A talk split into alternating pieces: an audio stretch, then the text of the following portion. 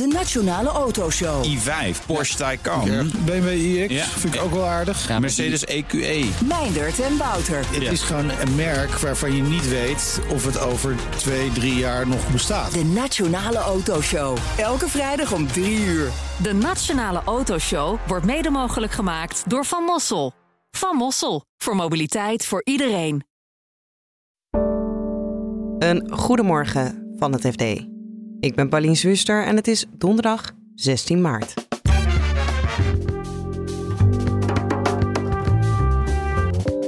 Vanmiddag horen we of de ECB de rente nog durft te verhogen nu er grote zorgen zijn over de banken. financiële stabiliteit. Het systeem moet, moet goed functioneren. Dat is ook een taak van de ECB. En als, als dat niet het geval is, dan houdt alles op.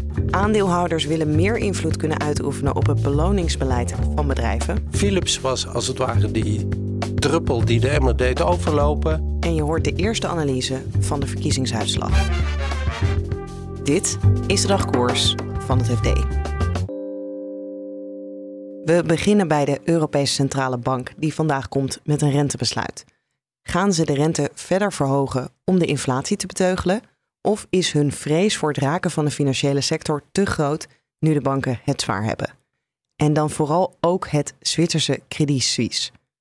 Beursredacteur Marcel de Boer vertelt wat voor dag die bank had. Tamelijk dramatisch.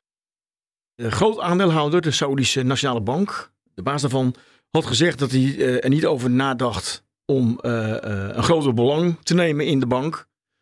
Beter gezegd, een kapitaalinjectie te doen. Ja, versmolt het vertrouwen in eh Credit Suisse volledig weg. En eh, zakte het aandeel uiteindelijk tot 30% eh, in de min. Ja, en het vertrouwen was al niet zo hoog in Credit Suisse. Nee, het, het is een bank met, een, met veel problemen. Witwas, schandaal, slechte beleggingen. Onlangs moesten de publicatie van het jaarverslag uitstellen. omdat de Amerikaanse toezichthouder allerlei onregelmatigheden had gevonden. En belangrijk, het belangrijkste misschien wel is dat eh, ontzettend veel mensen die geld stallen bij eh, de bank, ja, en die halen het weg. Ja. Dat, is al, dat is ook al maanden gaan hoor, maar dat, is, dat, Gisteren bleek dat eh, dat eigenlijk tot op de dag van vandaag zo is. Nou had ik het gisteren met onze collega Marijn Jongsma over de Amerikaanse Silicon Valley Bank, waar ook enorm veel geld uit werd getrokken. Die is natuurlijk omgevallen. Daar is ook de vrees dat dat het hele Amerikaanse systeem kan raken. Hoe groot is die vrees dan hier bij Credit Suisse dat dat al onze banken kan gaan raken? Nou ja, dat is, dat is de grote eh, onzekerheid. En dat zorgde er, er gisteren ook voor dat die eh, eh, markten echt forse verliezen leden. Bankaandelen, maar ook de AX ging bijna 3% omlaag. Staatsleningen werden, waren juist in trek. Iedereen zocht die, die veilige haven op. Goud werd duurder, de dollar werd duurder. En allemaal ja, om, vanwege de, de angst dat de problemen bij Credit Suisse zich niet beperken tot Credit Suisse. Ja. Het is alleen de vraag van ja, eh, in, in- hoe worden banken dan wel ge- geraakt? Ja. Eh, en de E- ECB die schijnt eh, de banken gevraagd te hebben naar hun blootstelling aan, aan die Zwitserse bank. Wil dat niet bevestigen, maar ongetwijfeld zullen ze daar bovenop zitten. Ja, dus er zijn nu allemaal bankbestuurders aan het kijken van hebben wij ergens iets op de balans staan wat we straks misschien veel minder waard is. Ja, nou, van analisten begreep ik dat ze best wel veel derivaten hebben uitstaan. Eh, ja, en, en, en, eh, ja, als je die plotseling moet gaan verkopen, dan eh, kun je flinke verliezen leiden. Je noemde al even de ECB. Vanmiddag komt de ECB ook met een rentebesluit. Wat voor invloed heeft dat daarop? Want er was een soort gevoel van oké, het gaat 50 basispunten, het gaat nog een stuk omhoog, volgende keer gaat het nog een stuk omhoog. Durven ze dat nu nog aan? Nou, dat is de vraag. Op de geldmarkt eh, zie je dat de, de verwachtingen fors zijn bijgesteld. Was vorige week nog nou, bijna 100% eh, zeker dat, eh, dat ze dat zouden gaan doen, hè, 50 basispunten. Gisteren was die kans teruggeschroefd tot 20%. En dat kun je dan aflezen aan, aan rentetermijncontracten. Ja, dus ja, de, financiële markten denken dat het niet gaat gebeuren. Nou, die, die hebben Oh, Zo hun, twi- hun twijfel. ja, hun twijfels, ja. Wat is precies de angst van markten of experts dat er gebeurt als de ECB wel doorgaat met die renteverhogingen? Als ze te veel en te hard eh, verhogen, ja, is een, een recessie eh, mogelijk. En dat, ra- dat raakt natuurlijk de bank ook. Ja. Eh, en dan heb je ook nogal allerlei problemen misschien in het, in het bankaire systeem.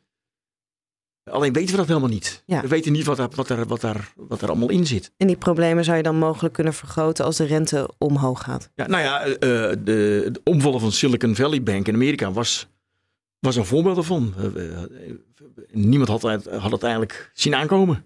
Ja, als je had opgelet, dan had je het gezien, denk ik. Maar Blijkbaar had niemand opgelet. eh, nee, maar ja, je moet wel weten waar je moet zoeken. En, en, eh, dus dat, dat, die, die onzekerheid zit er ook wel in, in, eh, in de markt. Dat lijkt me wel lastig voor de ECB, want uiteindelijk, ja, die inflatie is ook nog steeds hoog. Dus ze m- moeten misschien ook nog wel die rente verhogen om dat te beteugelen. Ja, dat, is- dat, is, dat is lastig. eh, eh, maar goed, financiële stabiliteit, hè, het systeem moet, moet goed functioneren. Dat is ook een taak van de ECB. En als, als dat niet het geval is, dan houdt alles op. Dus dan, ze zorgen er altijd voor dat dat eh, goed is. Ja. En ik moet wel erbij zeggen, van de onrust zorgt er ook voor dat, dat de ECB eigenlijk een beetje geholpen wordt. Ze spreken dan altijd over de, de financiële condities. Hè, die, die verkrappen hierdoor, door, de- door die onrust. Eh, en dat wil dus eh, zeggen dat bedrijven en, eh, en huishoudens duurder geld moeten lenen. Ja, eigenlijk wat je met een renteverhoging ook zou doen. Precies. Dat was Marcel de Boer. Gisteravond kwamen de Zwitserse toezichthouder en de centrale bank nog met een statement over Credit Suisse, waarin ze benadrukten dat de bank voldoet aan alle eisen, maar dat als het nodig blijkt te zijn, de centrale bank in zal grijpen en kan zorgen voor extra liquiditeit. En dan gaan we naar de aandeelhouders. Die willen meer invloed op het beloningsbeleid van bedrijven. De druppel, dat was de aandeelhoudersvergadering van Philips mei vorig jaar. Je hoort onze boardroomfluisteraar Pieter Kouwberg. De Philips top kreeg een bonus. Terwijl het aandeel Philips 60% gedaald was vanwege die slaapapneu-affaire. Aandeelhouders boos, heel boos. Ongekend was dat bijna Noord-Koreaanse uitslag tegen meer dan 80%. Dat gebeurt eigenlijk zelden of nooit. Ik heb het nog nooit meegemaakt. Wat was eh, het eindresultaat? Philips eh, slikte het, maar er veranderde niets. En het was ook de reden voor de institutionele beleggers om te kijken van hoeveel invloed hebben wij nou als aandeelhouder. Zeker. Philips was als het ware die druppel die de emmer deed overlopen. Eumedion, de, de belangenvereniging van die grote institutionele beleggers, heeft een, eh, een onderzoeksbureau in de arm genomen. En met de simpele vraag: hoe zit dat nou in het buitenland? Zijn wij nou het suffetje in Europa? Of hebben ze in het buitenland meer te zeggen? En werkt dat dan, da- dan ook? En wat zouden wij ervan kunnen leren? Nou, ze hebben een tour d'horizon gemaakt. En dan zie je dat er landen zijn, zoals Frankrijk en Zwitserland, waar gewoon de aandeelhouders instemmingsrecht hebben. Dus de aandeelhouder moet goedkeuren wat jij hebt bedacht als commissarissen om als beleid te hanteren en als bonus. Dan heb je Engeland en Australië. Eh, In Australië, dat is het beste voorbeeld eigenlijk. In Australië is het zo, als je twee keer de wens van die aandeelhouders naast je neerleggen, dan moet het bedrijf een vergadering uitschrijven waarin de positie van de commissarissen ter discussie staat. Nou, jij kunt wel raden wat er dan gebeurt. Ja. Als je twee keer niet zegt tegen je aandeelhouders over de beloning, Zeg zij net tegen jou. dan zeggen ze net tegen jou. Dus ze hebben naar al die systemen gekeken en hebben vervolgens een advies uitgebracht aan Eumedion. Ja. En nu zeg jij natuurlijk, oh, Meer regels. meer regels, meer sancties, meer machtsmiddelen. Maar nee, het advies is eigenlijk meer polderen. Een betere dialoog. Dus aan de ene kant moeten de aandeelhouders zich echt verdiepen in de beloningssystematiek. Omgekeerd moet het bedrijf betere transparantie geven, dus helderder uitleggen hoe die criteria nou in elkaar zitten en hoe ze dan komen. En dan komen ze gezamenlijk tot een betere oplossing. Nou, dat is een beetje wat nu het advies is. Ik ben benieuwd wat de leden van Eumedion ervan gaan vinden. Jij kent de boardroom eh, goed. Denk je dat het inderdaad zinnig advies is, dat dit werkt? Ehm, nou, ik, ik denk een paar dingen. Eén, misschien helpt het als ze structureel met elkaar praten. Want commissarissen en aandeelhouders praten eigenlijk weinig tot niet met elkaar. Dus daar zie ik het pluspunt wel. Maar uiteindelijk denk ik, ja, je kunt praten als Sint-Jutemus, maar uiteindelijk is het meest effectieve dat die commissarissen weten, als je niet echt luistert naar je aanhouders, op een gegeven moment ben jij aan de beurt. Dus ik zie een systeem zo in, zoals in Australië wel zitten, waarin je zegt van uh, als je nou twee keer mij gewoon negeert, nou, dan gaan we het uh, volgend jaar over jou hebben. Ik denk dat dat het meest effectief is. Dan de boer-burgerbeweging. Worden zij de grootste in de Eerste Kamer? Zo lijkt het nu.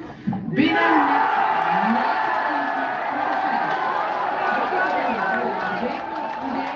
Je hoort de reactie van de boer-burgerbeweging op de exit poll van de Eerste Kamer. Zij lijken de grote winnaar te zijn van de verkiezingen. Ik sprak gisteravond, toen die eerste exit polls binnen waren, met onze parlementair verslaggever Cor Hoorde. Ik ging er eigenlijk al een beetje vanuit dat ze de grootste zouden worden. En, natuurlijk heeft deze eerste exit polls, die hebben nog heel wat onzekerheidsmarges, maar die zijn niet zo groot dat dat niet meer mogelijk is. Je, ze kunnen nu niet meer eh, worden ingehaald door een ander. Ja, en ze staan op, ja, bijna 20%, 19%. Nou, dan ben je vandaag de dag echt een gigantische partij. Als we kijken naar de coalitie en nou ja, waar ze een meerderheid kunnen vinden, dan wordt dat, nou ja, krap aan, misschien kan het net.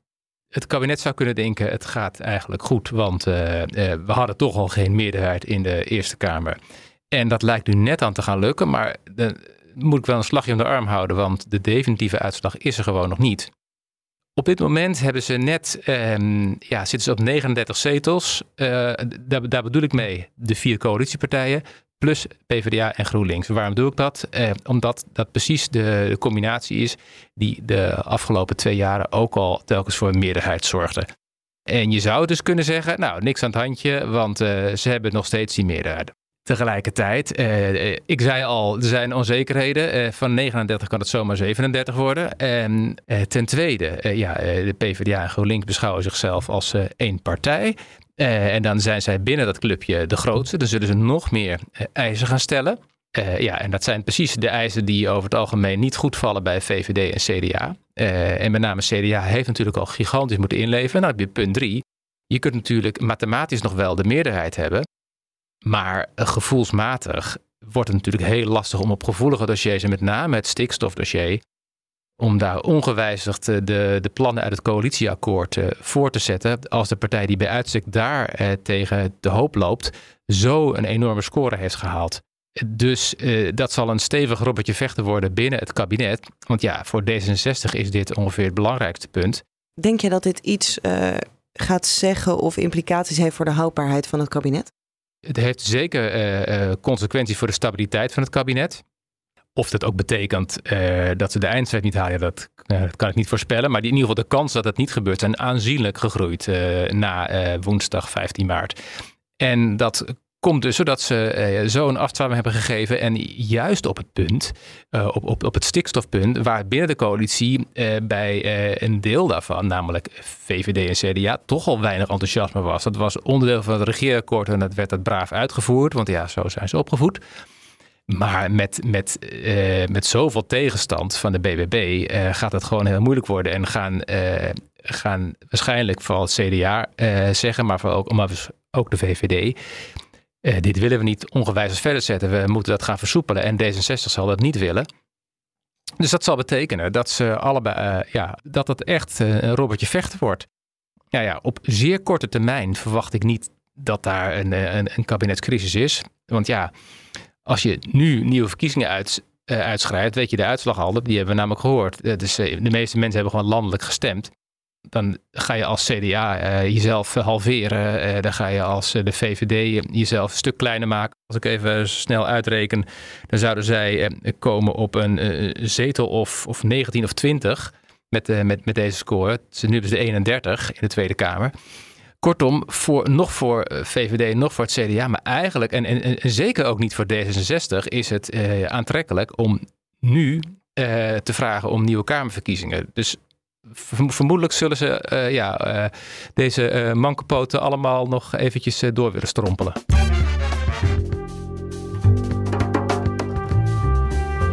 Dit was de dagkoers van het FD.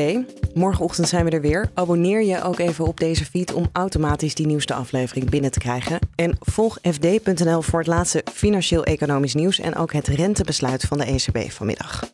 Nog een hele fijne dag en graag tot morgen.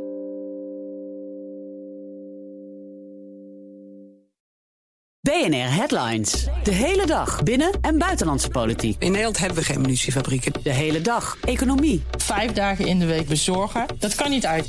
De hele dag technologie. Amerikanen weer op de maan. Heb je eigenlijk geen tijd, maar wil je toch op de hoogte blijven? BNR Headlines. Het laatste nieuws, maar dan in het kort. Ga naar je podcast-app en abonneer je op BNR Headlines.